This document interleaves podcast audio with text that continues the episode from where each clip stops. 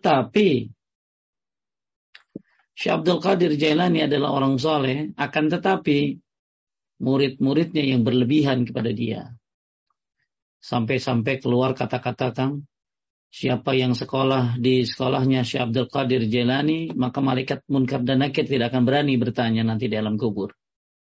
Wih, ya, sampai-sampai ada seorang ulama menceritakan kisah katanya, Syekh Abdul Qadir Jailani itu menunggu murid-muridnya yang ada di neraka supaya dikeluarin.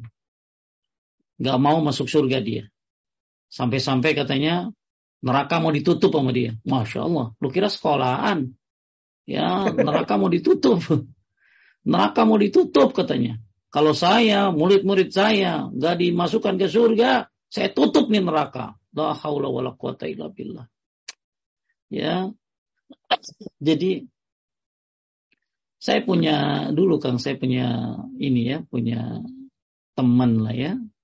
Tapi lebih tepatnya, jadi ceritanya itu orang nggak sholat Kang, nggak sholat. Hmm. Lalu dia saya tanya kenapa nggak sholat? Wah nanti di kuburan begini loh. Wih. Dia bilang gampang tinggal minta tolong sama Syekh Abdul Qadir Jailani. Waduh itu luar biasa jadi patokan. Makanya Syekh Abdul Qadir Jailani itu akan akan mengingkari bagaimana uh, apa mengingkari murid-muridnya yang menyembahnya yang meminta tolong kepadanya. Ya. Nah ini poin yang kedua yaitu mereka adalah orang yang berlebihan terhadap orang-orang soleh. Sampai-sampai diangkat ya setinggi tingginya sampai-sampai ada seorang anak muda ngambil sendal kiai kan. Lalu sendal kiai itu dipegang sama dia Lalu dia ambil ambil kamera, dia foto. Ditulis caption, sendal ini lebih mulia daripada saya. Oh, sendalnya lebih mulia. Lah sendal kan kagak bisa sholat. Ya. Manusia tuh mulia Allah ciptakan. Tapi dia merasa sendalnya kiainya lebih soleh daripada daripada dia. Ya. Nah, jadi ini kelompok yang kedua ini sangat banyak kayaknya. Kalau kelompok kedua yang pertama juga ada kan, ada sama ulama tuh sampai Imam Ahmad pernah di apa di penjara, dizolimi. Ibnu Taimiyah di penjara sampai yang hat, tapi ya di penjara orang-orang soleh emang kayak jalan-jalan. Ibnu Taimiyah di penjara itu malah hatam Quran 80 kali. Ya. Imam Ahmad, masya Allah, ya dizolimi ya ketika dia harus mengatakan Quran itu makhluk padahal bukan Quran adalah kalamullah ulama-ulama ada yang di, dizolimi oleh ahlul jafa yang tidak menghormati hak-hak ulama, tidak memuliakan mereka. Nah, yang kedua ahlul gulu. Nah, ini yang kebalikannya. Ini lebay benar-benar. Cium tangannya, Kang. Saya pernah lihat cium tangannya itu sekalian cium tangan nih. Terus kalian maafkan bibir. Cium bibir. Aduh. Ya, iya. Tahu Pak Ustadz, nih, gua pelakunya dulu.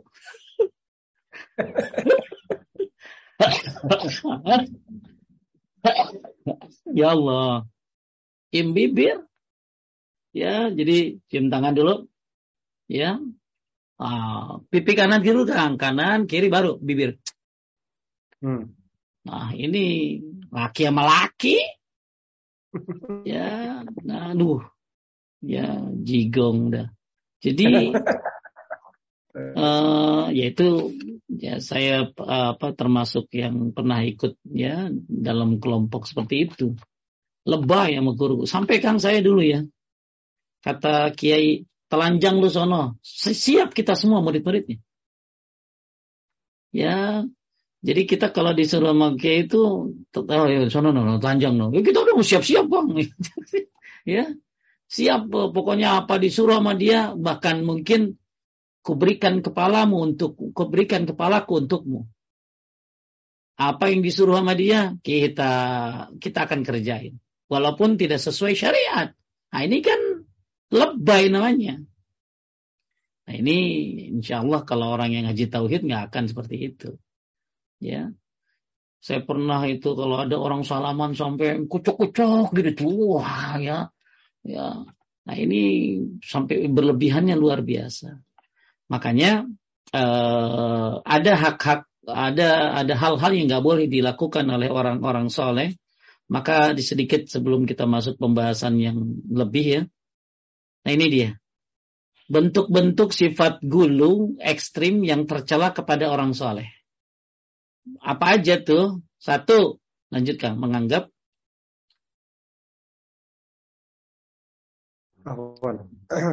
Satu menganggap bahwa beribadah seperti sholat atau berdoa di hadapan gambar, patung, kuburan orang soleh, kiai, habaib, habib-habib, ajengan, dan yang semisalnya, lebih mendatangkan rasa khusyuk dan kudu pada Allah Ta'ala. Tuh. Jadi kalau ibadah di depan gambar mereka, patung mereka, ya itu kayaknya lebih khusyuk, lebih ini, ini nggak boleh. Jadi ya, kita masuk, kita akan bahas kelompok yang kedua, orang yang gulu. Ya, kalau kelompok yang pertama ada yang sama ulama itu nggak hormat, nggak memuliakan, ada. Ya. Hmm. Nah, sekarang yang kedua nih, orang yang berlebihan kepada ulama jauh lebih banyak lagi. Di antaranya adalah menganggap bahwa beribadah sholat, doa e, di depan gambar patung atau kuburan mereka itu jauh lebih khusyuk bahkan lebih diterima. Saya waktu ya, itu pernah melihat ada sebuah kuburan di dalam masjid. Lalu kuburan di tengahnya kan, ya di tengahnya. Terus kita sholat madep kuburan lagi. Lalu dia bilang begini kuncinya. Untuk sholat di masjid jadi imam menghadap Allah, ya itu semua orang bisa. Tapi untuk uh, apa sholat bertawasul kepada kiai ini cuma saya yang bisa. Dia sangka sholat menghadap Allah derajatnya lebih rendah daripada menghadap kiainya. Jadi ini kelompok yang gulu namanya. Jadi seolah-olah kalau beribadah di kuburan orang soleh itu lebih khusyuk dan lain. Tapi kalau ibadah di masjid ini ngantuk gitu loh. Nah ini ya tipuan setan ini. Lanjut Kang. Ini merupakan ini merupakan bentuk ibadah ya yang bid'ah mungkar dan tidak pernah dicontohkan oleh Nabi dan para sahabatnya radhiyallahu anhum. Sebatas membuat gambar atau patung dari benda yang bernyawa saja, dia telah melanggar peringatan keras dari Nabi Shallallahu Alaihi Wasallam. Beliau bersabda yang berarti yang artinya orang yang paling keras azabnya di hari kiamat di sisi Allah adalah tukang gambar. Taib, ya jadi beribadah di sholat, ya di berdoa di depan patung-patung gambar-gambar kiai ini katanya lebih mulia, lebih hebat, lebih khusyuk, maka ini suatu hal yang bersifat gulu kepada orang soleh yang tidak boleh. Yang kedua, berkeyakinan bahwa berdoa kepada Allah Ta'ala sambil bertawasul dengan orang soleh yang sudah mati, lebih diterima oleh Allah Ta'ala. Nah, mereka berkeyakinan kalau doa pakai tawasul kepada mereka, orang-orang yang soleh yang sudah mati, itu akan lebih mustajab. Hal ini juga merupakan perkara yang batil dan haram karena tidak pernah dilakukan oleh para sahabat Nabi Shallallahu Alaihi Wasallam. Bahkan Umar radhiyallahu anhu ketika zamannya ditimpa kemarau, beliau tidak bertawasul kepada Nabi Shallallahu Alaihi Wasallam karena beliau telah wafat. Namun Umar radhiyallahu minta kepada paman Nabi berdoa kepada Allah Taala. Jadi gini ceritanya. Pada waktu itu terjadi penca apa sih kemarau di Madinah ya. Maka Umar tidak bertawasul kepada Nabi yang sudah meninggal. Padahal Umar kan dekat banget sama Nabi. Sahabat Nabi, mertua Nabi. Tapi tidak bertawasul kepada kepada kepada kuburan Nabi. Tapi justru Umar bin Khattab bertawasul kepada yang masih hidup yaitu paman Nabi Al-Abbas. Ya. Nah ini ini Umar bin Khattab nih. Ya, dia malah bertawasul maksudnya uh, Umar malah meminta kepada maaf Umar meminta kepada yang masih hidup yaitu Al-Abbas untuk berdoa supaya Allah menurunkan hujan. Jadi bukan minta sama Nabi yang sudah meninggal. Padahal ada di Madinah kan tuh Umar. Tapi justru minta tolong kepada yang masih hidup yaitu paman Nabi pada saat itu yang uh, sebut Al-Abbas. Ya, dan Allah kan berfirman, "Faiza sa'alaka ibadi anni fa inni qaribun ujibu da'i wal yastajibu wal yu'minu yarshudun." Artinya kan, Eh, dan apabila hamba-hambaku bertanya kepadamu tentang aku, maka jawablah bahwasanya aku adalah dekat. Aku mengabulkan permohonan orang yang berdoa apabila ia memohon kepadaku. maka hendaklah mereka itu memenuhi segala perintahku dan hendaklah mereka beriman kepadaku agar mereka selalu berada dalam kebenaran. Ya, jadi kalau mau tawasul sama orang hidup yang soleh ya, orang hidup, orang yang masih hidup, orang soleh yang masih hidup, ya atau dengan amal soleh diri kita sendiri, atau ya dengan tawasul dengan dengan asmaul husna, bukan dengan orang yang sudah mati. Taib. Yang ketiga yang nggak boleh yang termasuk gulu terhadap orang soleh adalah meyakini bahwa para wali atau orang soleh mengetahui ilmu gaib. Nah ini nih kan. Ya, Rasulullah Sallallahu Alaihi Wasallam adalah imam para rasul. Di dalam mengetahui perkara yang gaib atau perkara yang akan terjadi, apalagi mereka yang bukan termasuk dari kalangan Nabi. Orang Nabi aja nggak tahu. Lah, sekarang orang yang di bawah Nabi kok sok tahu tentang yang gaib. Sebagaimana firman Allah dalam surat Al-A'raf ayat 188.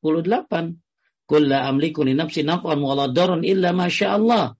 Walau kuntu alamul ghaiba lastaksartu minal khairi wa ma massani su in ana illa nadhirun wa basyirun liqaumi yu'minun. Artinya kan? Uh, katakanlah, aku tidak berkuasa menarik kemanfaatan bagi diriku dan tidak pula menolak kemudaratan kecuali yang dikehendaki Allah.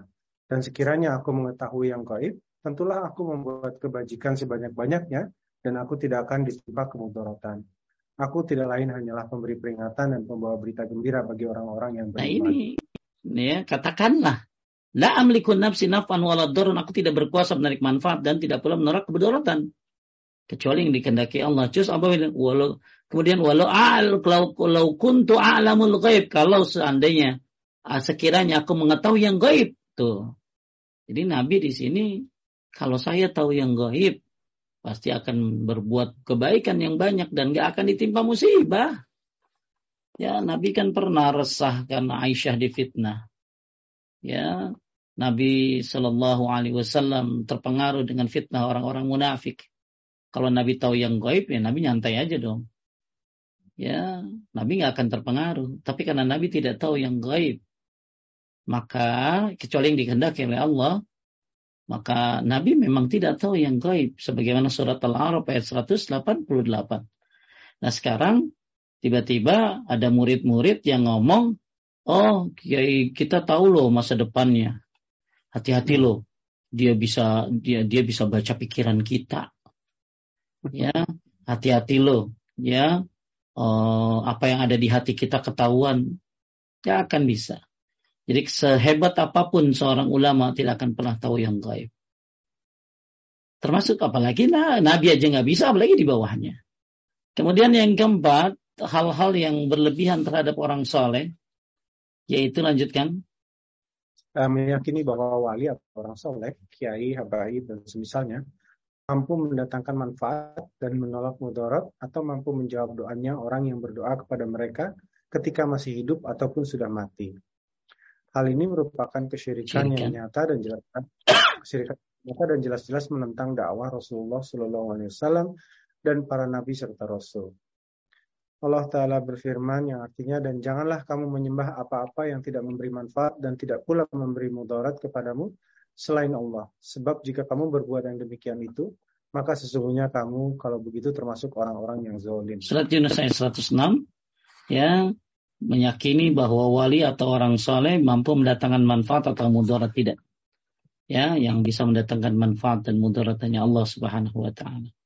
Inilah uh, empat poin nih kan yang uh, yang nggak boleh dilakukan oleh orang-orang yang mencintai orang soleh.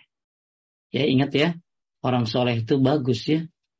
Orang soleh itu luar biasa apalagi dia memang akhlaknya baik, maka kita tidak boleh menzolimi mereka, berikan haknya. Dan tidak boleh juga berlebihan terhadap mereka. Tapi kita kembali lagi ke pembahasan kitabnya. Ini ahlul gulu. Yang ketiga ahlul haq. Siapa itu ahlul haq? Yaitu orang yang mencintai mereka. Loyal. Serta memenuhi hak mereka dengan benar tetapi berlepas diri dari sikap dulu dan tidak menganggap mereka maksum terlepas dari dosa. Sampai-sampai pernah saya lihat ada orang ya ke kuburan seorang kiai itu sampai ini kan, sampai jalannya itu sampai ngesot. Ya, nggak boleh nggak boleh diri jalannya, kudu ngesot kayak orang ngesot gitu.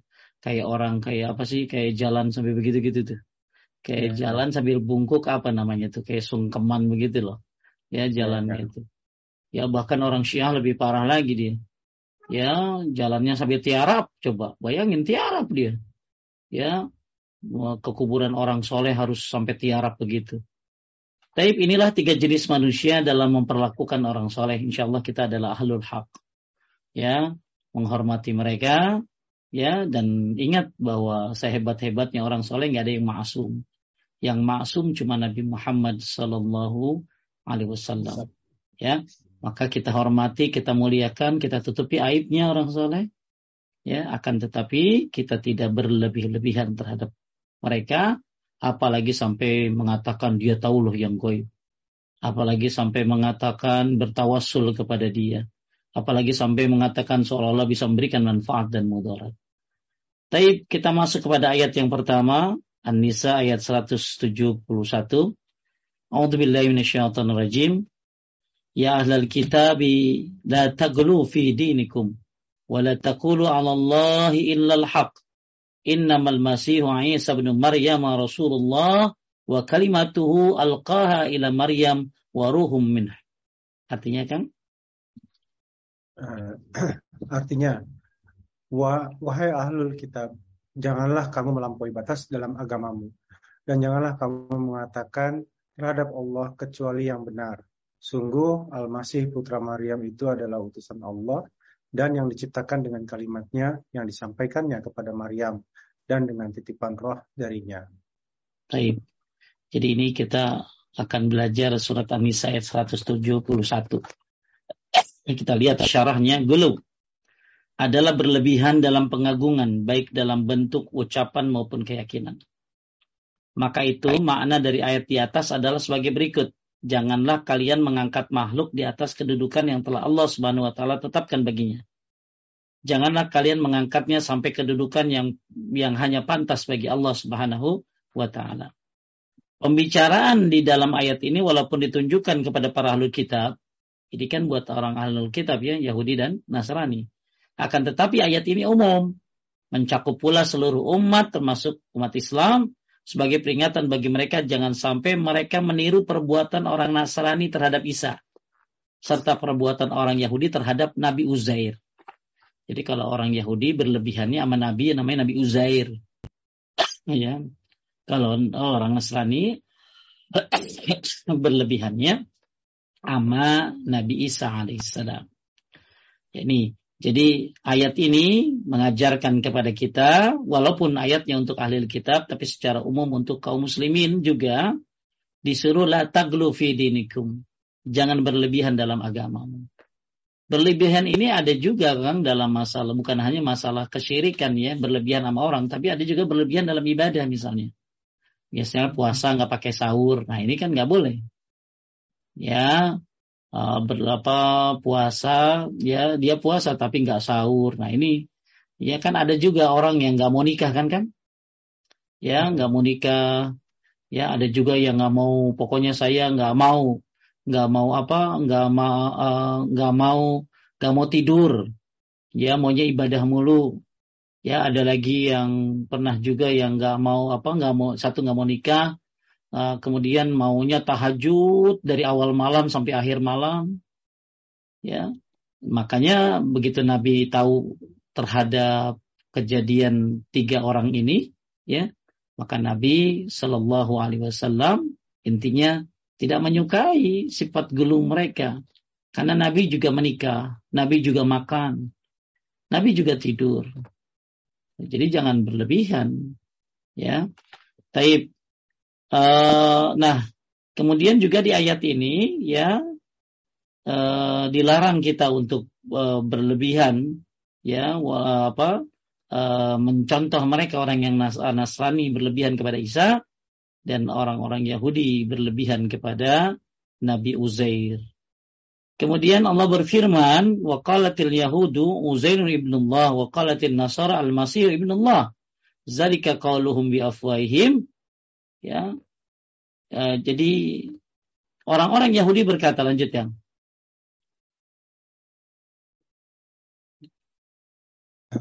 orang Yahudi hmm. berkata. Pembicaraan dalam ayat ini yaitu ya saya Ini dalam orang Yahudi berkata Uzair. Ada Uzair putra Allah. Ada Pak. Dan orang-orang Yahudi berkata Uzair putra Allah. Dan orang-orang Nasrani berkata, Al-Masih putra Allah. Itulah ucapan yang keluar dari mereka. Mereka meniru ucapan orang-orang kafir yang terdahulu. Allah melaknat mereka bagaimana mereka sampai berpaling. Taib, ya. Jadi ya apa? Inilah kerjaan orang-orang Yahudi dan Nasrani yang kita tidak boleh ikuti mereka, yaitu berlebihan kepada orang-orang soleh. Faedahnya yang pertama haramnya sifat gelu, ya melampaui batas atau berlebih-lebihan. Kemudian kedua bantahan terhadap orang Yahudi dan Nasrani mereka bersifat gelu terhadap makhluk yaitu kepada Nabi Isa walaupun kepada Nabi apalagi yang derajatnya bukan Nabi kan ya hmm. berbuat berlebih-lebihan nama Nabi Isa aja nggak boleh apalagi yang bukan Nabi berlebihan nama Nabi Uzair saja nggak boleh apalagi yang bukan Nabi yang kedudukannya tentunya jauh di bawah para Nabi. Nah, ya apalagi uh, gulu berlebihan sama orang-orang ya orang-orang yang di bawah para nabi. Sama nabi aja nggak boleh apalagi sama mereka. Kemudian lanjutkan nomor tiga. Uh, nomor tiga ajakan untuk bersikap pertengahan dalam beragama dengan cara tidak melebihi batas yang disyariatkan dan tidak kurang dalam melaksanakannya. Ya tengah-tengah lah. Ya tengah-tengah yang keempat yang keempat, peringatan dari kesyirikan dan sebab-sebabnya, serta sarana yang dapat menyampaikan kepadanya. Di antara sebab dan sarana yang dapat menyampaikan kepada kesyirikan adalah bersikap bulu, melampaui batas terhadap makhluk, walaupun dia orang soleh atau bahkan seorang nabi. Taib, ya kan kita udah pernah bahas tentang kaumnya Nabi Nuh, ya, yang yang menghormati berlebihan orang-orang soleh, yaitu Wad, Yagus, Yauk, Nasr. Ya orang-orang lima orang soleh ini di, dibikinin patungnya. Lama-lama ya yang bikin patung mati. Lama-lama ya muncullah. Dan setan itu sabar ya kan ya. Nyesatin orang tuh dia nggak nggak terburu-buru ya. Dia punya planning yang sangat jelas SOP-nya jelas dia. Ya pokoknya kalau godain manusia dia tahu dia sabar juga godain manusia ya awal-awalnya ya hanya eh, apa dibiarkan bikin patung lama-lama ini patungnya disembah. Nah inilah kesabaran setan menggoda manusia. Tidak disuruh syirik dulu tidak disuruh nyembah patung dulu tapi disuruh untuk apa? Iya bikin ini bikin itu petilasannya dan lain-lain. Lama-lama lama-lama lama-lama kebodohan merajalela lama-lama disembah. Ya jadi hati-hati sarana kesyirikan ini salah satunya apa? Gulu. Sarana-sarana kesyirikannya salah satunya adalah gulu ya. Gulu terhadap siapa? Terhadap makhluk ya walaupun dia orang soleh ataupun nabi. Taib ini ayat yang pertama surat At-Taubah ayat 30 mudah-mudahan kita tidak mencontoh Yahudi dan Nasrani yang berlebihan kepada para nabinya. Kemudian dalam As-Sahih ini ada sebuah riwayat yang panjang ya dalam As-Sahih dari Ibnu Abbas radhiyallahu an mengenai firman Allah taala dan mereka berkata, janganlah sekali-kali kamu meninggalkan nah ini yang pernah kita bahas surat Nuh ya. La tazarunna alihatakum wa la tazarunna wadda wa la su'a wa la wa ya'uq wa nasra. Janganlah sekali-kali kamu meninggalkan penyembahan Tuhan-Tuhan kamu dan janganlah pula sekali-kali kamu meninggalkan penyembahan Wad. Wad ini nama orang soleh ya tidak pula Suwa, tidak pula Yagus, tidak juga Ya'uq dan Nasr. Ia radhiyallahu anhu berkata ini adalah nama-nama orang soleh dari kaum Nabi Nuh alaihissalam. Tatkala mereka meninggal, setan membisikkan kepada kaum mereka agar mereka mendirikan patung-patung pada tempat-tempat yang pernah diadakan pertemuan di sana oleh mereka. Dan menamai patung-patung itu dengan nama-nama mereka. Orang-orang itu pun lantas melaksanakan bisikan setan tersebut. Tapi patung-patung mereka ketika itu belum disembah hingga orang-orang yang mendirikan patung itu meninggal dan ilmu agama dilupakan barulah patung-patung itu disembah. Jadi nggak nggak langsung ya ada prosesnya untuk penyembahan itu. Lanjut Ibnu Qayyim kan. Uh, Ibnu Qayyim uh, rahimahullah taala mengatakan banyak kalangan salaf yang mengatakan setelah mereka itu, yakni orang-orang soleh meninggal, orang-orang lantas sering mendatangi kuburan mereka, lalu membuat patung-patung mereka. Kemudian, setelah masa demi masa berlalu sejak masa itu, akhirnya disembahlah patung-patung tersebut. Ay, Masya Allah ya. Ini kan kejadian zaman Nabi Nuh loh Kang. Hmm. Entah berapa abad tahun yang lalu. Umur Nabi, dakwahnya Nabi Nuh aja 950 tahun. Dari Nabi Nuh sampai ke 1444 sekarang kan. Ya, hmm. Uh, coba. Ya dari kita ke Nabi Muhammad aja 14 abad. Bagaimana ke zaman Nabi Nuh? Tapi cerita ini diangkat Kang oleh ulama-ulama khususnya pengarang kitab ini rahimahullah. Supaya apa? Kita belajar jas merah gitulah kata bahasa kita mah. Ya hmm. jas merah. Jangan lupa sejarah. Ya uh, benar nggak artinya itu? Jas merah. Jangan melupakan sejarah. Ya jangan melupakan sejarah sejarah apa sejarah kesesatan manusia zaman dulu sejarah penyembahan orang-orang soleh karena mereka berlebih-lebihan kepada orang soleh. Mungkin di zaman di zaman kita nggak terjadi penyembahan itu. Nah, bisa jadi nanti anak-anak gitu. Ya, oleh karena itu Islam, masya Allah ya, ya luar biasa. Kita uh, sedang diajari. Jadi setan itu kan cuma ngulangi sejarah doang kan gitu loh. Setan hmm. itu cuma ngulangin doang. Zaman Nabi Lut udah dihancurin, ya dibangkitin lagi sekarang kan. Ya, setan hmm. itu tipu dayanya ya itu itu aja. Tinggal manusia tuh ngerti nggak tipu daya setan. Ya. Oleh karena itu kita sangat berterima kasih kepada ulama-ulama ahli tauhid yang mengumpulkan ayat-ayat hadis-hadis walaupun ini sudah terjadi entah berapa ratus abad tapi dibahas lagi di kitab ya di kitab ini, di kitab tauhid ini tujuannya adalah hati-hati untuk manusia sekarang. Bisa jadi tipu dayanya sama. Ya. Nah, ini ini uh, makanya penting untuk untuk membaca Al-Qur'an secara keseluruhan.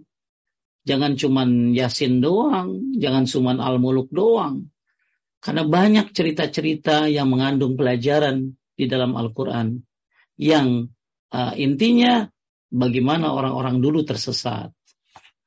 Baik, ini saya rasa udah tahu maksudnya, yaitu penyembahan terhadap orang-orang soleh ini dimulai salah satunya di zaman Nabi Nuh alaihissalam dan uh, apa eh, nggak uh, langsung disembah tapi berproses, berproses, berproses. Taib kita lihat syarahnya, apa syarahnya? Lanjut ya uh, Ibnu Abbas radhiyallahu anhu menafsirkan ayat yang mulia ini bahwasanya sembahan-sembahan yang Allah sebutkan bahwa kaum Nuh saling berwasiat untuk terus-menerus menyembahnya setelah Nabi mereka Nuh alaihissalam melarang mereka dari berbuat syirik kepada Allah Ta'ala. Pada asalnya sembahan-sembahan itu adalah nama orang-orang soleh dari kalangan mereka. Mereka tetap berlebih-lebihan kepada orang-orang soleh tersebut karena tipu daya syaitan terhadap mereka sampai akhirnya mereka membuat gambar orang-orang soleh tersebut. Kemudian, uh, uh, kemudian berubah, berubahlah perkara sampai menjadi patung-patung yang disembah selain Allah. Apa yang disebutkan oleh Ibnu Qayyim maknanya sama dengan yang disebutkan oleh Al Bukhari. Tetapi beliau Ibnu Qayyim menyebutkan bahwa itikaf mereka di kuburan orang soleh tersebut terjadi belum membuat gambarnya. Maka hal ini dapat menambahkan keterangan yang sebelumnya bahwa itikaf di kuburan juga merupakan penyebab penyembahan, yakni peribadahan terhadap kubur tersebut. Ya, saya pernah lihat orang-orang yang itikaf di sekeliling kuburan ya. Ya, mereka itikaf, jikir ya di kuburan itu. Bahkan sampai ada goanya di situ sampai ke goa-goa mereka mas apa itikaf di situ. Itikaf di masjid ya. Sebaik-baiknya masjid apalagi masjidil haram bukan di kuburan. Jadi ada yang menyebutkan bahwa awal mula mereka menyembah orang soleh itu karena itikaf dulu kan itikaf dulu di kuburan ya. Lama-lama ada usul deh tuh gitu loh ada usul deh tuh gimana Cin kalau kita bikinin gambar. Awalnya gambar dulu. Ya, akhirnya setan berinovasi kan. Setelah dibikinin gambar, ya. tanggung, bikinin patung. Ya, setelah itu berinovasi lagi. Ya, tadinya hanya pengagungan saja. Lama-lama akhirnya jadi disembah. Ingat ya, dimulai dari sifat berlebih-lebihan. Dari mulai itikaf di kuburan, ya itikaf di masjid itu. Kemudian bikin gambar-gambar, akhirnya sampai bikin patung dan akhirnya sampai disembah. Tapi faedahnya, yang pertama sikap gulu berlebihan terhadap orang soleh merupakan sebab yang bisa mengantarkan kepada penyembahan terhadap mereka. Ini yang pertama, ya. Jadi penyembahan terhadap orang soleh dimulai dari sikap berlebihan. Kemudian orang yang melakukan syirik besar, berarti dia telah meninggalkan agamanya, murtad. Karena agama Islam dibangun di atas tauhid, beribadah kepada Allah semata. Jadi siapa yang bedanya syirik besar sama syirik kecil kan apa? Kalau syirik besar ya itu keluar dari Islam, kalau syirik kecil tidak. Kalau syirik besar ya itu uh, hilang semua amal, menghapuskan. Kalau syirik kecil tidak. Kalau syirik besar, abadi di neraka. Kalau syirik kecil tidak. Maka hati-hati dengan perkara kesyirikan. Baik yang kecil ataupun yang besar. Jadi orang yang melakukan syirik besar, ya berarti dia telah meninggalkan agamanya. Beribadah kepada selain Allah, berarti uh, dia telah murtad. Kemudian yang ketiga, peringatan terhadap pengaruh gambar-gambar maupun patung-patung, terutama gambar-gambar dan patung-patung orang yang diagungkan. Ya, ya kan kadang-kadang suka ya, ya orang soleh mah, ya diingat jasa mereka tuh di kitab-kitab kan. Ya, nggak usah lihat gambar, ya nggak usah. Ceritanya aja lah, bagaimana perjuangan mereka. Kemudian yang keempat, lanjutkan. Yang keempat, peringatan terhadap peringatan terhadap tipu daya syaitan yang ia menghiasi keburukan dengan kebaikan dan menyesatkan manusia secara bertahap.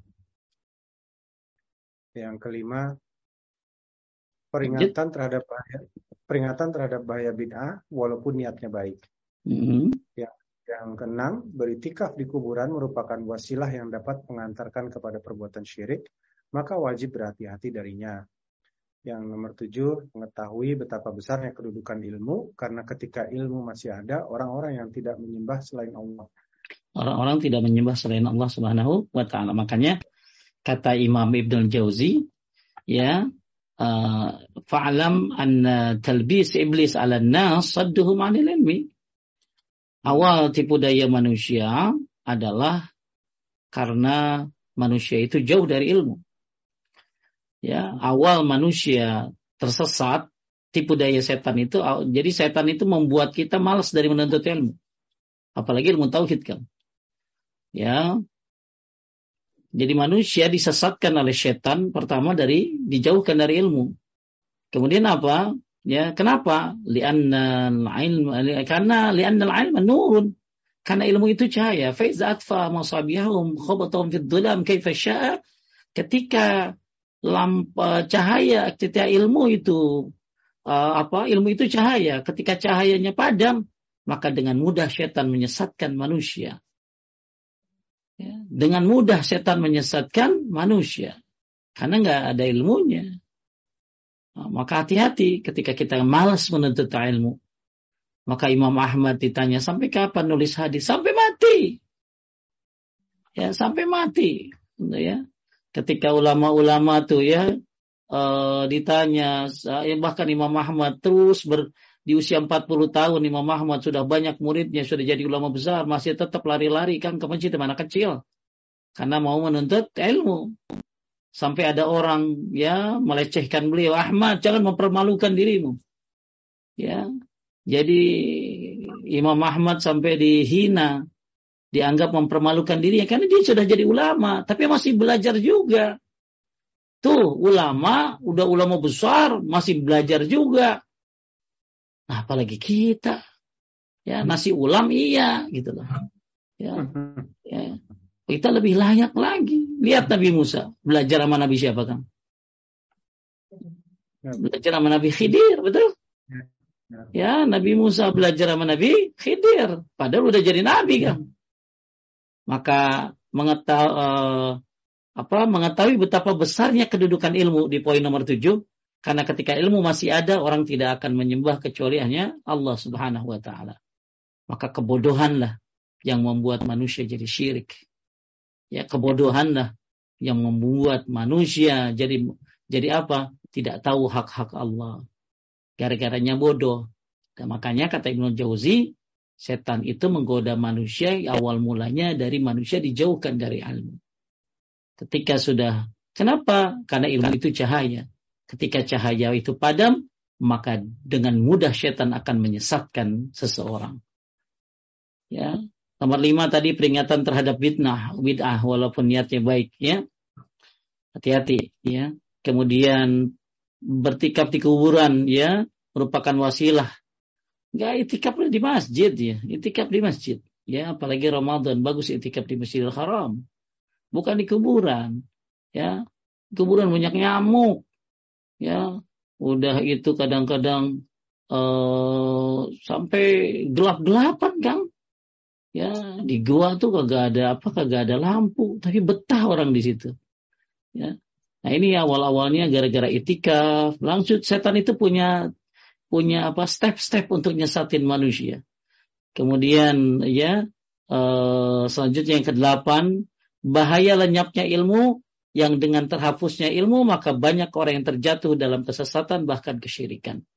Maka terus ya istiqomah belajar agama. Terus istiqomah minta kepada Allah. Ya Rabbi zidni ilman. Ya, jangan jangan minta duit mulu nambah teh. Ilmu nambah ya suatu yang layak nambah itu ilmu gitu makanya ilmu sedikit tapi dipahami dihafalkan itu lebih baik lebih banyak manfaatnya daripada banyak tapi nggak diamalkan nggak dihafalkan apalagi masalah tauhid ini ini kudu bukan kudu hanya paham tapi bisa hafal ya Taib kemudian sembilan, lanjutkan. Eh, sebab hilangnya ilmu adalah dengan diwafatkannya para ulama. Ya, salah satu sebab ilmu itu diangkat ya dengan cara diwafatkannya para ulama. Lanjut. Yang ke-10 bahaya bertaklid kepada nenek moyang, mengikuti perbuatan dan keyakinan mereka tanpa didasari dalil dalam agama. Karena taklid ini dapat menyampaikan kepada kesesatan. Taib, inilah fawaid ada 10 fawaid dari hadis tentang uh, penyembahan orang-orang soleh di zaman Nabi Nuh diawali dengan hal-hal yang kecil-kecil dulu, lalu akhirnya jadi hal yang besar yaitu menyembah patung-patung ini. Bahkan mereka sambil apa bilang apa? La tazarunna. Jangan sekali-kali kamu tinggalkan, bayangin. Jangan tinggalin ya. Jadi mereka udah wasiat mewasiati kan. Kalau nanti abah mati, jangan sampai patung itu tidak disembah lagi. Masya Allah. Quwata illa billah. Nah, jadi mereka tuh sampai sampai berwasiat katanya. Pokoknya patung ini harus disembah.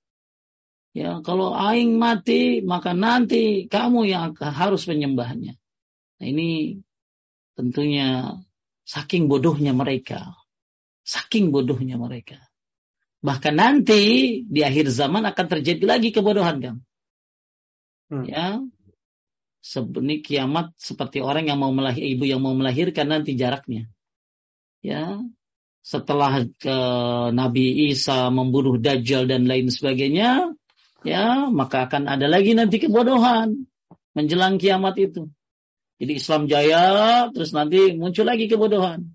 Sampai kan saat itu manusia nggak ada yang bisa la ilaha illallah. Mereka cuma bilangnya apa taunya? Allah, Allah. Cuma tahu Allah doang ngomongnya. Gak bisa mereka ngomong la ilaha illallah. Segitu parahnya zaman itu. Semoga kita udah meninggal ya. Sebelum ada zaman tersebut. Karena itu zaman di mana waktu yang terburuk sebelum mening, sebelum kiamat datang. Sampai manusia pada saat itu nggak bisa ngomong la ilaha illallah. Mereka nggak kenal la ilaha illallah. Hanya tahunya Allah, Allah saja. Dan itu paling bagus kan. Paling bagus manusia saat itu yang bisa ngomong Allah. Ya, hmm. ya paling bagus yang nggak bisa la ilaha illallah cuma Allah doang itu udah paling bagus itu gimana bodohan pada saat itu nanti naudzubillah tapi banyak sekali fawaidnya tadi dari hadis tersebut. Ada 10 kurang lebih faidahnya. Intinya dimasukkan kepada orang penulis di bab gulu ini karena jadi contoh ya. Walaupun sudah beratus-ratus abad zaman Nabi Nuh tetap kita tahu ya. Dari mana anda tahu ya? Dari Quran. Masya Allah ya Quran itu memberitakan satu hal yang sudah terjadi entah ribuan abad yang lalu nah inilah Masya Allah kalam Allah ya bukan buatan manusia kemudian selanjutnya diriwayatkan dari Umar bin Khattab radhiyallahu an bahwa Rasulullah Shallallahu alaihi wasallam bersabda nah ini La tatruni kama atratin nasara ibnu Maryam inna ma'ana abdun fakulu abdullah wa rasuluh. Artinya kan? Uh, artinya janganlah kalian berlebih-lebihan memujiku sebagaimana orang-orang Nasrani telah berlebih-lebihan dalam memuji Isa putra Maryam. Aku hanyalah seorang hamba. Maka katakanlah oleh kalian ketika menyifatiku Abdullah wa Rasulullah hamba Allah dan Rasulnya. Hamba ya. Allah dan Rasulnya. Abdullah wa Rasul. Maka kan ini yang ada orang suka berlebih-lebihan memuji Nabi Muhammad. Hmm. Ya, maka Nabi udah berpesan. Karena kita diharapkan oleh orang-orang orang-orang kafir itu menyembah sebagaimana menyembahnya Isa menyembah uh, Isa disembah oleh orang Nasrani sebagaimana Yahudi menyembah Uzair dan diharapkan orang muslim juga menyembah Nabi Muhammad. Tapi alhamdulillah nggak ada ya Kang. Ya nggak ada orang menyembah Nabi Muhammad Sallallahu Alaihi Wasallam. Tapi ya ada orang yang berlebih-lebihan terhadap Nabi Muhammad Sallallahu Alaihi Wasallam. Ya makanya Nabi uh, apa Nabi Sallallahu Alaihi Wasallam ngasih ngasih apa ngasih pesan ya La tatruni kama atratin nasara ibn Maryam. Jangan kalian berlebihan memujiku sebagaimana dipujinya Isa bin Maryam. Maka katakan apa? Abdullah wa rasuluh. Aku hamba Allah dan rasulnya. Berarti hamba Allah ya sama kayak manusia tidur, makan dan lain sebagainya menikah. Tapi jangan di jangan macam-macam dia utusan Allah gitu loh. Ya. Jadi di, dia adalah hamba Allah, tapi dia juga adalah utusan Allah Subhanahu wa taala. Maka kalau mau baca salawat, bacalah salawat Ibrahimiyah. Ya, udah cukup deh. Ya, Nabi kan ngajarin salawat tuh ya nggak banyak, cuma delapan setahu saya. Ya, delapan itu mungkin saya pernah bahas ya, tapi belum pernah saya kasih. Jadi ada delapan yang diajarkan oleh Nabi Shallallahu Alaihi Wasallam. Yang paling bagus ya salawat Ibrahimiyah yang diriwayatkan oleh Ka'ab bin Ujrah. Maka supaya selamat salawatmu tidak berlebih-lebihan, maka bacalah salawat Ibrahimiyah. Apa salawat Ibrahimiyah itu ya? Allahumma salli ala Muhammad wa ala ali Muhammad kama sallaita ala Ibrahim wa ala ali Ibrahim innaka Hamidum Majid. Allahumma barik ala Muhammad wa ala ali Muhammad kama barakta ala Ibrahim wa ala ali Ibrahim innaka Hamidum Majid. Ah, itu salawat paling bagus itu. Ya, wah ini katanya ada salawat yang paling hebat. Ini salawat ini dikasih. Jadi saya bermimpi ketemu Nabi. Saya bermimpi ketemu Nabi. Ya, dan Nabi ngasih salawat ini sama saya. Saya ijazahkan kepada kamu. Wih, ijazah saya seberapa tuh? Ya. Jadi cukuplah kita mencukupkan diri dengan apa yang diajarkan oleh Rasulullah. Ya dulu saya ngapalin tuh Kang ngapalin hampir 50 salawat-salawat yang bikinan gitu lah. Ya, hmm. salawat Nurul Kiamah, salawat uh, apa, Al-Fatah salawat ini, salawat dan lain sebagainya. Tapi itu salawat banyak yang suka berlebih-lebihan kepada Nabi Muhammad Wasallam. Ya, bahkan uh, apa dianggap Nabi yang memberikan jalan keluar, Nabi yang apa yang yang yang bisa melepaskan ikatan ya nabi wah akhirnya jadi ber, berlebihan memang nabi tidak disembah oleh mereka tapi mereka memuji-muji nabi berlebihan ya maka nabi memberikan nasihat maka kita yang suka baca salawat bacalah salawat salawat yang disyariatkan salawat Ibrahimiyah Ya, ada yang bilang gini, ih orang yang ngaji sunnah mah nggak suka salawatan. Iya kita nggak suka salawatan, kita suka bacanya salawat. Kita suka bacanya salawat. Dan kita sukanya baca salawat yang diajarin. Itu aja. Ya kita mah baca salawat teh ya nggak pakai waktu-waktu deh tiap hari khususnya pagi sore 10 kali 10 kali apalagi hari Jumat itu time for salawat itu kita mencintai Nabi bukan hanya dengan baca salawat bahkan. Dengan menjalankan sunnahnya, menghidupkan sunnahnya, membela sunnahnya. Ya. Tapi apa syarahnya? Lanjutkan. Nabi. Uh, Nabi SAW bersabda, janganlah kalian memujiku. Lalu kalian berlebih-lebihan dalam memuji diriku sebagaimana orang Nasrani telah berlebih-lebihan dalam memuji Isa alaihissalam sehingga mereka menyatakan bahwa Isa memiliki sifat-sifat uluhiyah. Lalu beliau menegaskan, sesungguhnya aku tidak lebih hanyalah seorang hamba Allah dan utusannya. Maka sifatilah aku dengan itu. Janganlah kalian mengangkat diriku melebihi kedudukan yang telah ditentukan oleh Allah untukku. Taib, ya. Jadi sungguhnya aku tidak lebih hanyalah seorang hamba dan utusannya.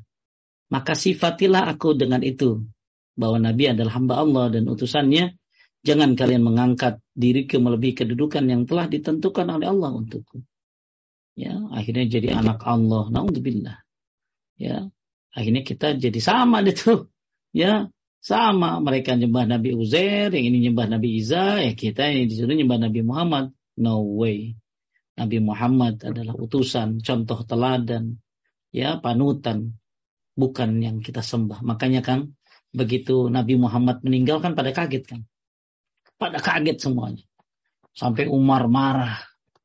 Ya, karena saking cintanya sampai Anas bin Malik pergi ke rumahnya kan sampai nyasar. Saking sedihnya dengan meninggalnya Nabi Muhammad sallallahu alaihi wasallam. Maka Abu Bakar ngomong begini kan. Abu Bakar ini orang yang lemah lembutnya. Tapi ketika dia dipimpin jadi khalifah, memimpin apa dipimpin untuk memimpin kaum muslimin jadi khalifah, maka dia berkata begini kan. Man kana ya'budu Muhammadan wa huwa qad mata. Wa man kana ya'budullah fa inna Allah hayyun la yamut. Siapa yang menyembah Nabi Muhammad, maka Nabi Muhammad sudah meninggal. Tapi siapa yang menyembah Allah, maka Allah tidak akan pernah mati. Dia hayyun la yamut. Dia hidup dan tidak akan pernah mati. Jadi para sahabat ya merasa kehilangan Nabi Shallallahu Alaihi Wasallam. Maka Abu Bakar menjurikan penjelasan bahwa kita tidak menyembah Nabi Muhammad. Nabi Muhammad kan contoh teladan. Tapi kita menyembah Allah. Maka siapa yang menyembah Nabi Muhammad dia sudah mati. Tapi siapa yang menyembah Allah, dia hidup selama-lamanya. Dia akan tidak akan pernah mati. Nah, ini luar biasa kata-kata Abu Bakar yang saya kenang ya. Ya, luar biasa itu kata-kata bagaimana beliau memberikan tuntunan kepada masyarakat bahwa kita bukan menyembah Nabi Muhammad. Kita menyembah Allah Subhanahu wa taala. Tapi kita lihat faedahnya. Lanjutkan uh, faedahnya yang pertama haramnya melampaui batas dalam memberi pujian kepada Nabi Shallallahu Alaihi Wasallam. Jadi nggak usah baca salawat macam-macamnya. Ada lagi yang salawat buka toko. Ini kalau buka toko baca ini salawat. Ya namanya salawat apa ya? Eh, kok saya jadi lupa ya. Uh, surat salawat al-fatih katanya. Sampai hari ini masih apa saya tegangnya. Padahal nggak pernah baca. Ya itulah kalau sesuatu yang ini suka suka netap di otak gitu. Kalau Quran gampang hilang kan? Ya, coba lagu-lagu banyak yang hafal orang padahal nggak pernah ngulang-ngulang. Gitu datang ke mall jadi keinget lagi tuh. Ya, tapi Quran gampang banget hilang. Ya, makanya uh, dulu saya penghafal penghafal salawat-salawat yang nggak jelas itu loh. Ya banyak yang saya masih hmm. hafal. Tapi ya kalau ada yang bisa delete ya boleh tuh tuh. Dideletin, dikasih virus biar hilang kayak. Tapi ya nggak bisa. Ya. Jadi ada sholawat, karena sholawat kalau buka toko baca ini. Namanya sholawat Al-Fatih. Ya, wah. Ya nggak ada Nabi ngajarin salawatan. Kalau buka toko ya Bismillah. Masuk pasar, baca la ilallah dari syarika al mulku alhamdulillah wa yumit wa la yamut biadil khair wa kulli syai'in qadir. Ya, kalau rezeki mah datang gimana caranya? Banyak kunci rezeki. Salah satu kunci rezeki adalah tauhid justru yang pertama. Ya. Kemudian kan Allah berikan kalian ya uh, apa wa yarzuqu min haitsu la yahtasib. Siapa yang bertakwa kepada Allah, Allah berikan rizki yang tidak disangka-sangka. Tauhid maksudnya. Jadi kalau pengen lancar rizki, ya bertauhid kepada Allah. Berbakti sama orang tua. Ya, kemudian apa lagi? Ya, uh, baca istighfar, sedekah. Ya, banyak kunci-kunci rizki itu. Ya, kurang lebih ada 10 kunci-kunci rizki. Nah, Ya, kalau ketika Anda memang uh, berharap Allah berikan rezeki, ya bacalah. Jalankan apa yang disampaikan oleh oleh Nabi Shallallahu Alaihi Wasallam. Makanya hati-hati melampaui batas dalam memuji Nabi Muhammad Shallallahu Alaihi Wasallam. Kemudian nomor dua lanjut. Ya, nomor dua Nabi Muhammad Shallallahu Alaihi Wasallam hanya seorang hamba Allah ini bantahan terhadap orang-orang yang mengangkat beliau sampai derajat ketuhanan. Baik ya. Hati-hati ya, nggak boleh kita menyembah Nabi Muhammad Sallallahu Alaihi Wasallam. Kemudian Nabi Sallallahu Alaihi Wasallam adalah Rasul. Rasulullah ini bantahan kepada orang yang mendustakan kenabian beliau. Jadi ada orang yang nggak percaya sama bahwa beliau kan Abdullah. Karena ada orang yang seolah-olah Nabi itu bukan hamba Allah gitu loh. Maka Nabi mengatakan, Fakulu Abdullah wa Rasuluh. Katakan aku adalah hamba Allah. Karena ada orang yang seolah-olah Nabi ini bukan bukan manusia gitu loh. Ya, kemudian wa Rasuluh. Nabi ini utusan Allah karena ada orang yang tidak mengakui Nabi sebagai Nabi. Itu orang-orang kafir pada saat itu. Kemudian nomor empat semangat Nabi Shallallahu Alaihi Wasallam menutup jalan-jalan yang bisa mengantar pada kesyirikan. Pokoknya jalan syirik sekecil apa pun tutup. Ya, maka kita sama syirik ini nggak boleh main-main. Nggak boleh buka lubang. Nggak boleh dibiarkan. Tutup. Ya, ya, wah ini bisa syirik nanti tutup langsung. Itu luar biasa Nabi Shallallahu Alaihi Wasallam dalam menutup segala pintu menuju kesyirikan. Salah satunya adalah pintu apa di sini? Pintu berlebih-lebihan itu pintu gulung ya. Kemudian jadi kita juga sama semangat ayo. Tutup pintu-pintu kesyirikan semampu kita. Ya dengan cara yang baik lemah lembut ya. Cara yang yang apa yang yang yang lapang dada ya. Maka insya Allah ya kita dimudahkan. Ya maka jangan hanya ustadz saja yang yang nutup pintu kesyirikan. Ustadz itu sudah ustadz ustadz itu sudah ngasih tahu dukun bahaya dukun bahaya Dukun itu kalau Anda datang ke dukun bisa nggak diterima sholatnya 40 hari bahkan kafir kalau sampai percaya. Tapi ustadz-ustadz kagak dianggap. Begitu si pesulap merah ngomong pada percaya. Ya. ya. ya. Jadi pada ustadz Ustadz-ustadz udah ngomong nggak boleh, nggak boleh, nggak boleh, nggak boleh syirik, syirik, syirik, syirik. Ya, tapi begitu yang ngomong adalah mungkin seorang ini, eh, pada percaya. Nah, ustadznya jadi kalah gitu. Nah, makanya Kang, ada saya punya teman di stasiun TV bilang begini. Kejelekan itu akan lebih terungkap Kang. Ketika yang ngomong itu public figure. Hmm. Jadi artis-artis yang udah hijrah, komenlah tentang tauhid ya hmm. coba ya berikan statementmu. Jangan takut anda nggak dipuji-puji lagi. Ada nggak artis di sini? Ya. Kali ada artis. Jadi saya punya teman yang di orang TV ya. Uh, sebentar anak saya ya.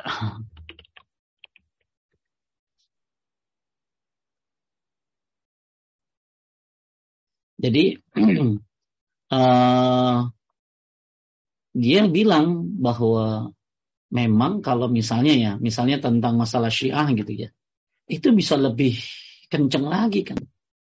Kalau yang komen-komen tentang tentang kesalahan akidah mereka adalah orang-orang public figure.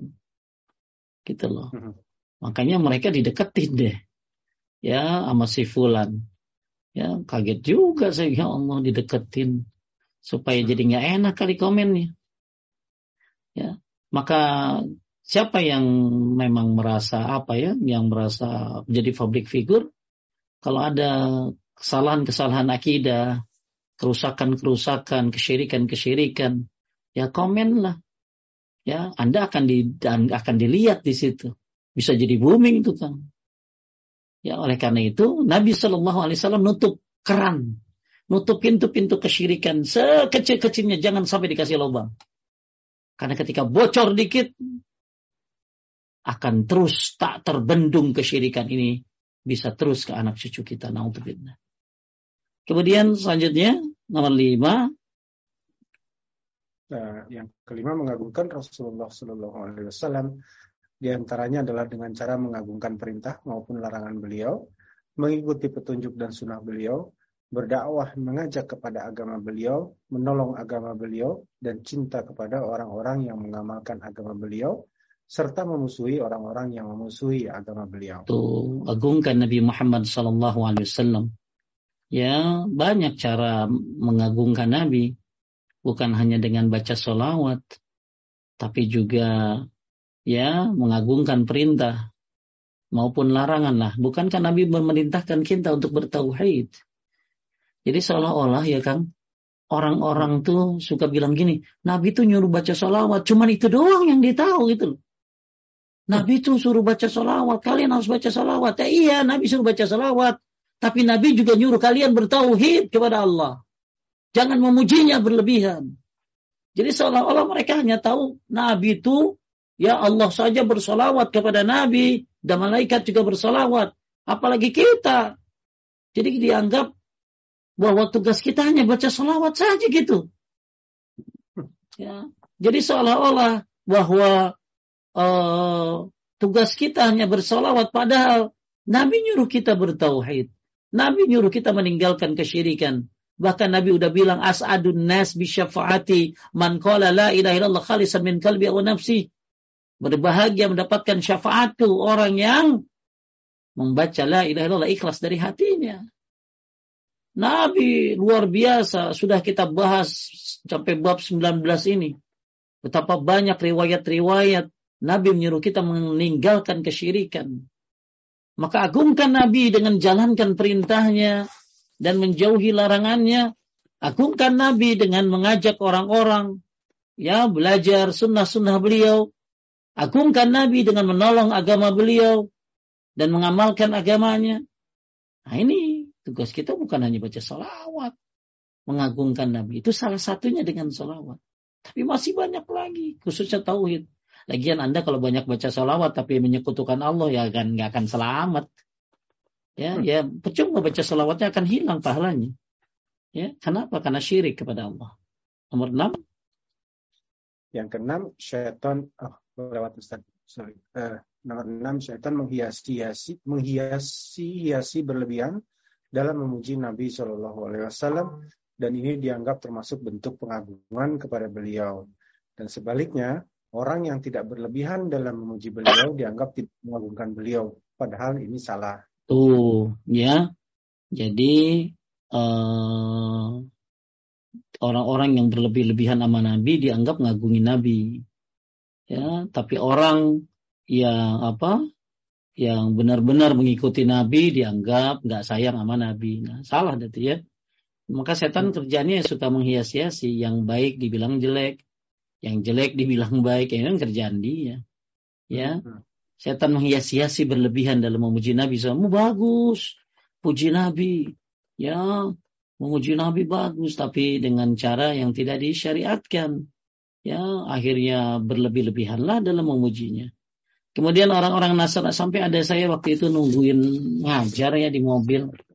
Terus saya sambil nungguin ngajar tuh dengar ada ibu-ibu ngomong begini kan di mic lagi kenceng banget. Kayaknya mereka kagak tahu artinya kali ya. Ya Rasulullah agisna. Ya Rasulullah agisna. Ya Rasulullah agisna. Itu apa artinya? Ya Rasulullah tolong kami. Ya Rasulullah tolong kami. Boleh gitu? Ya kagak itu. Ya, kita kan disuruh minta tolong kepada Allah. Yang dibaca di surat Al-Fatihah tiap hari, kagak ngerti-ngerti.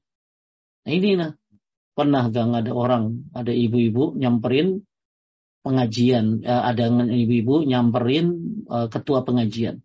Dia bilang begini, saya, ibu, boleh saya mengajarkan jamaah yang ada di sini? uh, satu zikir, solawat yang diajarkan oleh kiai saya, guru saya. Oh kita lagi bahas kajian hadis. Kita kalau mau zikir, baca Quran ya di rumah ya. Ada dalilnya begini-begini pokoknya. Oh ini ini ada ijazahnya. Wah ngotot pokoknya dia pengen ngajarin sama ibu-ibu bacaan apalah tahulah gitu loh ya. Ya saya sih ngerti. Aduh maaf ibu, kita lagi kajian. Kita lagi belajar hadis, kita lagi belajar tafsir. Oh ini ada ijazahnya. Iya, saya juga punya ijazah mah gitu. Ya, ya. Jadi intinya eh, banyak oknum-oknum yang yang menyebarkan agar kita lebay terhadap Nabi Muhammad SAW sehingga Nabi Muhammad diangkat ke derajat yang sebenarnya milik Allah Subhanahu wa taala. Tapi selanjutnya maka hati-hatilah setan menghiasi pujian-pujian uh, maka setan suka menghiasi agar Anda salah dalam memuji Nabi Shallallahu alaihi wasallam. Nomor tujuh. Yang ketujuh, orang-orang Nasrani telah berlebihan dalam memuji Nabi Isa alaihissalam sehingga mengangkat beliau sampai ke derajat ketuhanan. Uh, lanjut yang kedelapan, peringatan terhadap perbuatan tayabuh atau Syabuh. menyerupai orang-orang kafir. Taib, ya. Jadi Nabi Isa itu kan bisa ngidupin yang mati ya atas izin Allah. Ya bisa oh, kan karena zaman Nabi Musa itu memang berkembangnya ilmu pengobatan kan. Ya, hmm. maka dikasih mujizat seperti itu. Zaman Nabi Musa berkembangnya kekuatan, maka Nabi Musa dikasih tangan yang bisa bercahaya. Ya, hmm. uh, zaman Nabi Nabi itu diutus uh, sesuai dengan keadaannya seperti itu. Ya, maka Nabi Muhammad SAW di lagi zamannya syair kan. Ya, lagi zamannya syair-syair, puisi-puisi orang Arab. Maka bahasa Al-Quran ngalahin semuanya itu. Ya, nah, maka eh, Nabi Isa ini dipuji, dipuji, dipuji, ini disembah. Kemudian 8 peringatan terhadap perbuatan tasyabuh, ya, menyerupai orang kafir. Sifat gulu kepada para nabi dan orang soleh merupakan sebab terjatuhnya dalam kesyirikan. Taib. Masih banyak gak? Ah, bisa satu lagi kayaknya Kang ya. Ini poin yang masih dua lagi. Ada lagi? Ada yang nanya nggak Kang? Sudah ada yang nanya belum? Mungkin. Sudah ada, sudah ada Ustaz. Taib boleh. Bismillah. Oke. Okay. Kita tiga, tiga ini dulu ya, tiga pembahasan dulu. Kita sisakan dua lagi insya Allah. Taib lanjut. Oke. Okay. Bismillah. Uh, pertanyaan saya share screen Ustaz. Pertanyaan pertama. Assalamualaikum Ustaz. Uh, selain berlebih-lebihan terhadap orang soleh yang sudah meninggal dunia, ada juga yang berlebih-lebihan dengan orang soleh yang masih hidup. Bagaimana kita menyikapinya kalau kita melihat langsung orang-orang seperti itu? Baik, kalau kita punya kekuasaan, kita punya kekuasaan, kita punya kekuatannya, ya melihat orang-orang yang lebay, berlebihan terhadap orang yang masih hidup ya, maka kita kasih tahu tentunya kalau kita punya kekuatan, kita cegah, kita cegah dengan tangan kita. Hmm. Kemudian nggak bisa juga kita cegah pakai lisan kita, kita kasih nasihat kita kasih uh, dalil ya. Kita kasih dengan kata-kata yang baik ya. Dengan sopan santun. Nggak bisa juga maka kita doakan orang tersebut.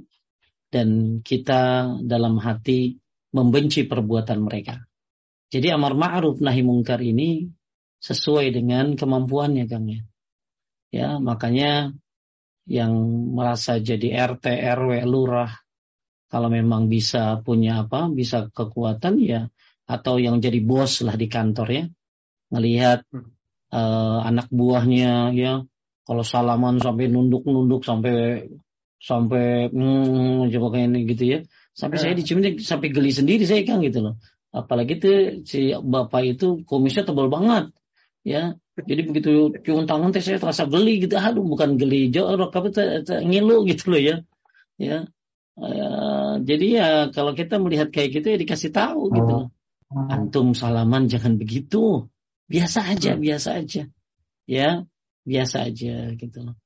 Tapi kan tat, antum ngajar ya bawain anak kopi deh tuh. Hmm. Ya, tuh apa uh, bau uh, kasih anamik yang bagus ya nggak usah berlebih-lebihan jadi uh, ketika kita melihat satu kesalahan seperti itu berlebihan seseorang kepada orang yang masih hidup ya.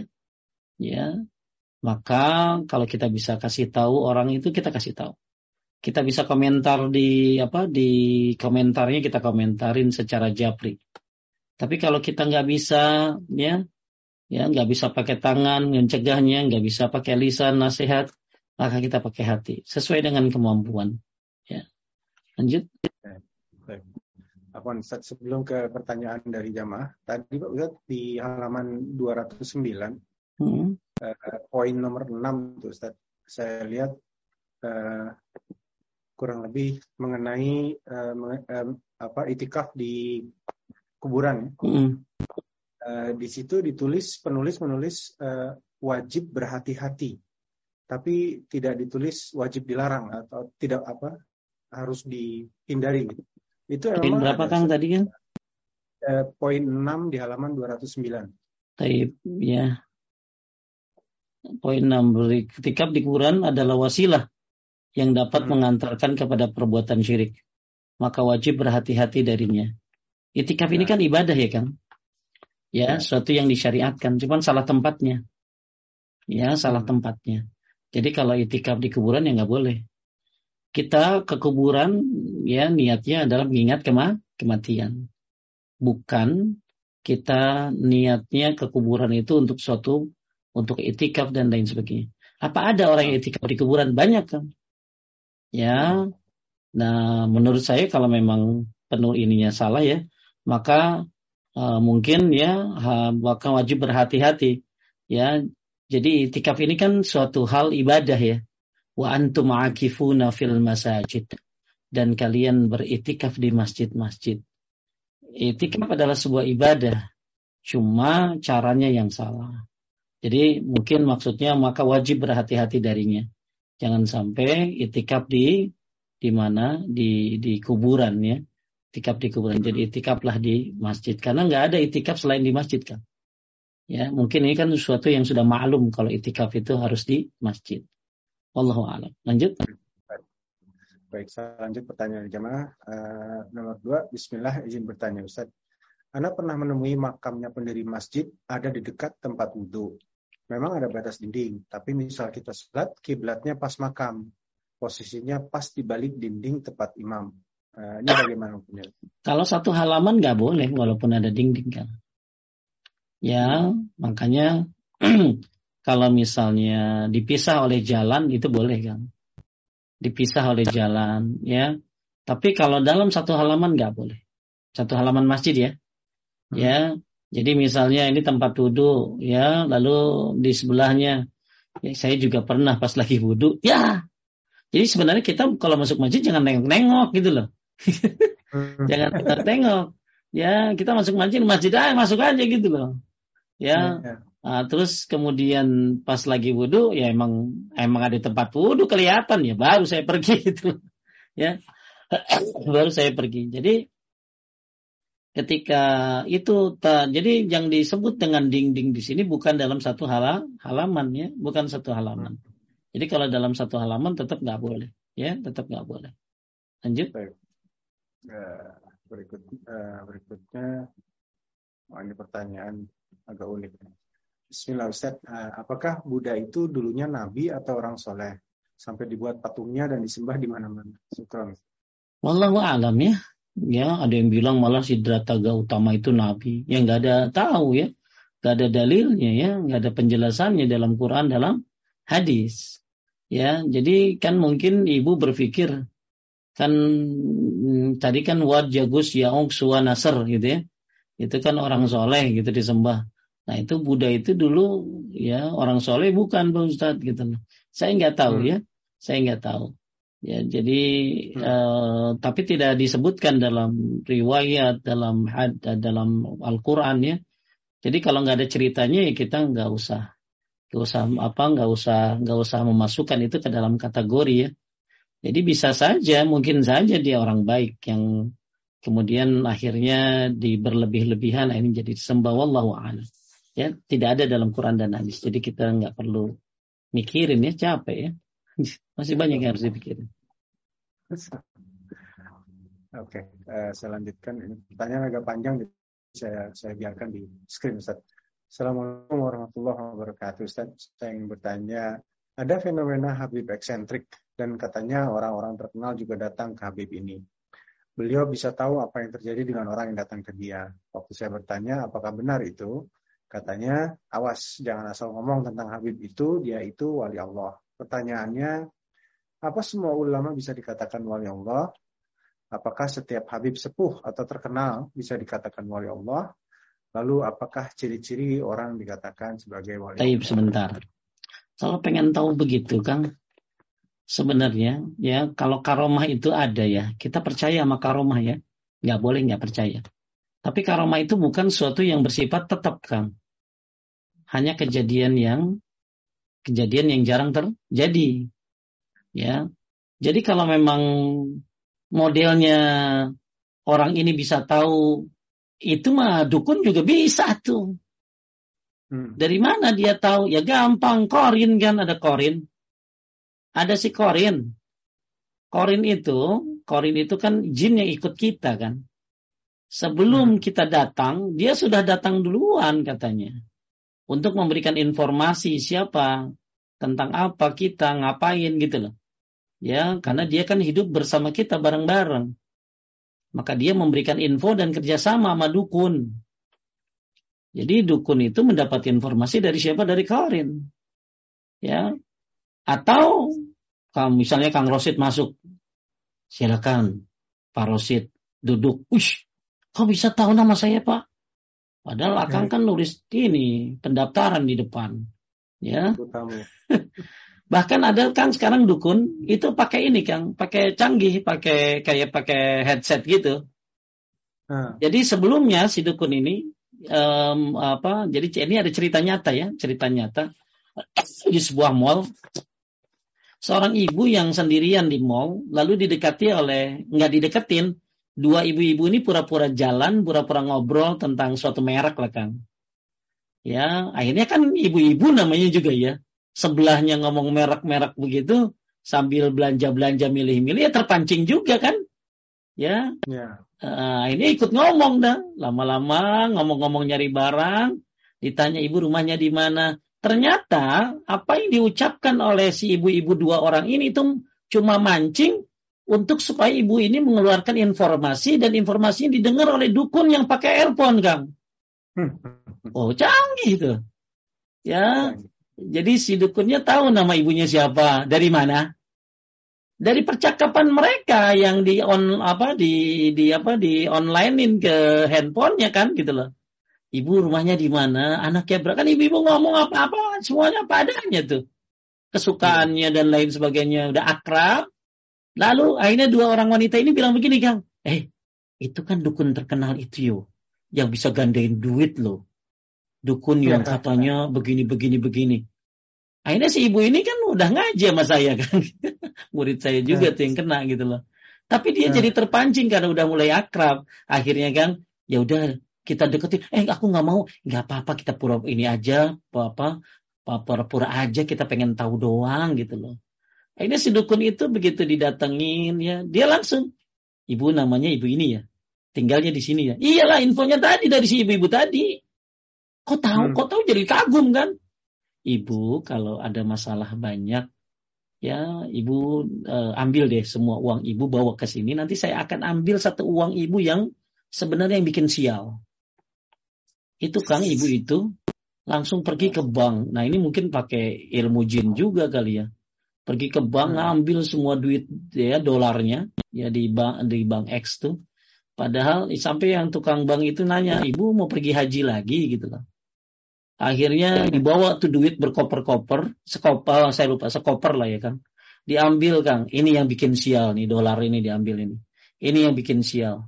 Ibu sisanya bawa silakan. Ya diambil satu Kang. Ini ibu ini kan lihatnya cuma diambil satu kan, nggak apa-apa. Ternyata di rumah dibuka hmm. ya itu nggak ada semuanya. Nah ya ini jadi hmm. informasi-informasi itu bisa didapat dari manusia-manusia dengan sistem yang canggih, ya, ya kelapa dibolongin, ya, ya tipu daya gitu loh. Atau jadi jangan usah heran ya kalau ada orang bisa tahu mas apa masalah kita gitu loh. Bisa jadi ya ada orang yang ngasih tahu atau bisa jadi jin yang ngasih tahu. Jadi hmm. apa semua ulama bisa dikatakan waliullah? Apa setiap habib sepuh atau terkenal bisa dikatakan waliullah? Yang penting ini kan, ciri-ciri yang dikatakan waliullah itu apa? Ini yang terpenting. Ya, hmm. waliullah itu ada dua. Waliullah yang terdepan, ya, waliullah yang pertengahan. Waliullah yang yang terdepan itu yang pertama dia jalankan yang wajib, dia jalankan yang sunnah, dia tinggalkan yang haram, bahkan dia tinggalkan yang syubhat. Ya, itu waliullah yang ter apa yang terdepan. Ya, jadi dia tinggalin ya ini panjang ya, tapi saya singkat aja.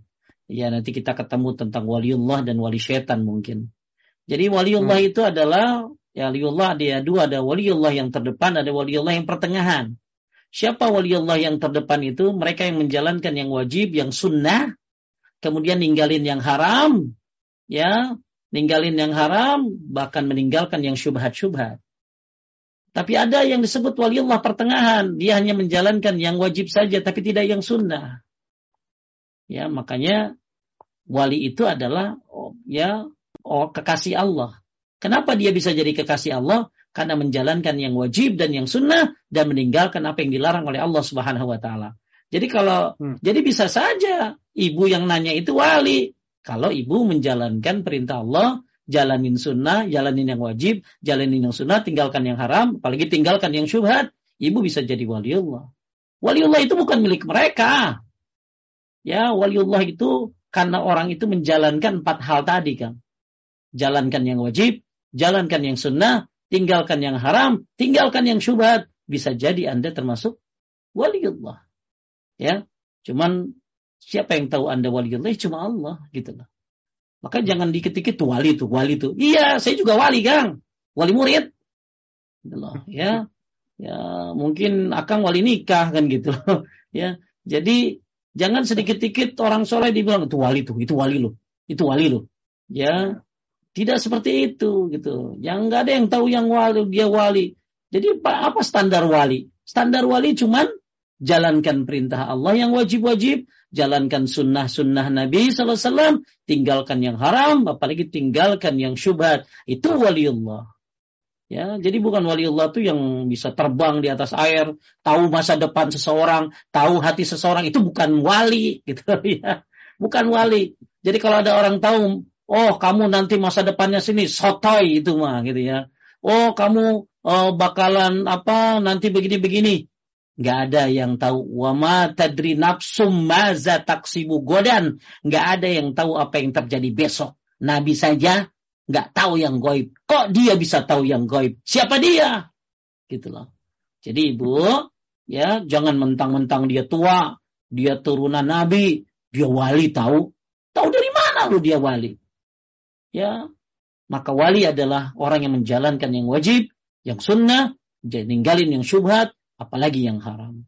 Ya, mudah-mudahan kita termasuk waliullah. Lanjut. Apalagi yang ngaku-ngaku punya remote langit ya, Ustaz. ya, apalagi Bu, ya, yang punya keris petir. Iya, lanjut. Ustaz. Baik, Ustaz. Pertanyaan berikutnya, Ustaz, ada seorang non muslim yang bertanya, Mengapa umat muslim sholat menghadap Ka'bah? Bukankah itu sama dengan menyembah batu hajar aswad? Kita bukan nyembah Ka'bah. Ka'bah itu kiblat. Jadi orang oh ya memang orang kafir ya suka nyari syubhat. Suka nyari syubhat ya, suka nyari tuh, lihat tuh orang Islam tuh. Ya, masa nyembah Ka'bah. Allah Subhanahu wa taala berfirman dalam surat Al-Quraisy apa? Fa'al ya'budu rabbahazal bait. Maka sembahlah pemilik rumah ini. Jadi penyembah, sembahlah pemilik rumah ini. Pemilik Ka'bah siapa? Allah. Jadi Ka'bah itu bukan tempat kita sembah, itu kiblat. Ka'bah itu kiblat. Jadi Anda terangkan sama orang non muslim itu Ka'bah itu bukan Tuhan kami. Ka'bah itu adalah kiblat di mana kami disuruh oleh Allah ya menyembah pemilik rumah yaitu pemilik Ka'bah siapa Allah. Tapi kenapa menghadap Ka'bah, menghadap batu ya dan lagian kita nggak menghadap Majar Aswad ya salah yang ada hajab aswad mungkin yang ada percis gitu ya. Tapi yang ada sebelah sono nggak ada apa-apa kan semuanya melingkar. Ya. Jadi intinya ya kita tidak menyembah Ka'bah. Ka'bah itu kiblat. Ya, kita disuruh satu pusat ya, itulah pusatnya adalah Ka'bah. Tapi yang kita sembah adalah pemilik rumah Ka'bah ini, yaitu Allah Subhanahu wa taala. Taib. Ya, cuman begitu doang sih saya bisa nerangin ya. Susah juga kalau ya. masuk-masukin ke akal ya, karena butuh keimanan untuk menjawab ini. Baik, lanjut. Nah, ini pertanyaan berikutnya pertanyaan terakhir di luar eh, topik Ustaz. Nah, bismillah. Apakah kalau kita meminta hak kita ke orang lain, dalam hal ini pembayaran kontrakan, apa itu termasuk kita zolim ke orang tersebut? Misalnya dengan cara agak berkeras, karena orang tersebut sudah sering kali ingkar janji dan lebih galak dari kami boleh nggak apa-apa ya kita berkata-kata keras, maksudnya tegas. Nabi aja pernah digituin kan, masya Allah ya. Ada sahabat yang mungkin Nabi meminjam sesuatu dari beliau, maka akhirnya Nabi ditagih di masjid dengan suara yang keras. Kenapa? Dan dibiarkan oleh Nabi karena dia emang benar gitu loh. Ya, hmm. jadi intinya hmm, dibolehkan untuk bertindak keras bertindak tegas maksudnya ya, bukan keras, tegas.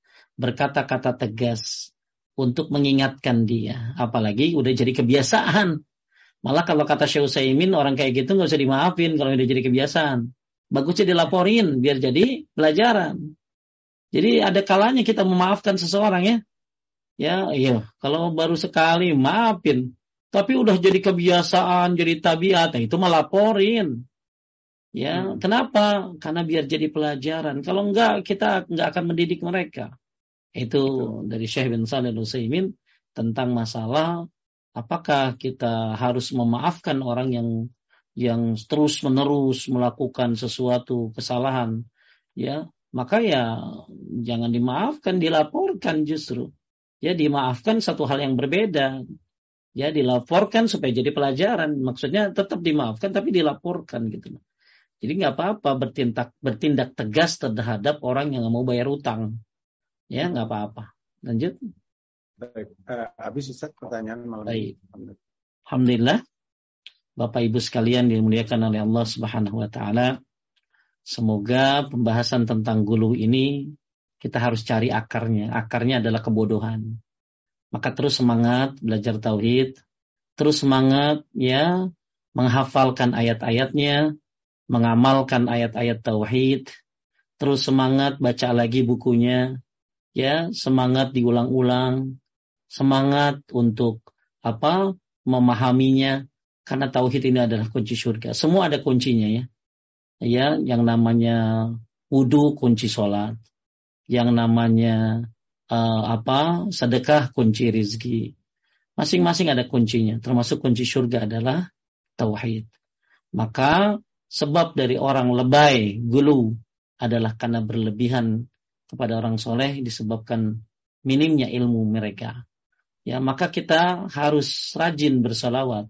Tapi ingat, mengagungkan Nabi bukan hanya dengan salawat, tapi dengan membela sunnahnya, mengajarkan sunnahnya, Bahkan bertauhid dan meninggalkan syirik adalah pesan yang paling penting dari Nabi Sallallahu Alaihi Wasallam. Terima kasih buat Majlis Taklim Rumah Dakwah Paduga. Semoga jadi amal jariah dan buat semuanya Ya, barakallahu fikum. Allah mahtim lana min khasyatika ma tahulu bihi bainana wa baina ma'asik. Wa min ta'atika ma tuballighuna bihi jannatak wa min al-yakin ma tuhawinu alaina masa'ib ad-dunya. Allahumma matti'na bi asma'ina wa absarina wa quwwatina ma ahyaytana waj'alul warisa minna waj'al sa'rana 'ala man dhalamana wansurna 'ala man adana wa la taj'al musibatana fi dinina wa la taj'al dunya akbar hammina wa la mablagha ilmina wa la tusallit 'alaina man la yarhamuna. Subhanaka Allahumma bihamdika asyhadu an la ilaha illa anta astaghfiruka wa atubu ilaik. Assalamualaikum warahmatullahi wabarakatuh. Waalaikumsalam warahmatullahi wabarakatuh. Alhamdulillah alamin. Jazakallah khair Ustaz uh, atas waktu dan ilmunya. Uh, Alhamdulillah kita mendapatkan uh, doa apa ilmu yang baik untuk malam ini dan insya Allah kita bisa mengulang kembali di kajian berikutnya. Dari kami, kami mohon maaf jika ada kekurangan dan kesalahan baik dalam sikap maupun perkataan. Barakallahu fikum. taufiq wal hidayah. Assalamualaikum warahmatullahi wabarakatuh. Waalaikumsalam warahmatullahi wabarakatuh.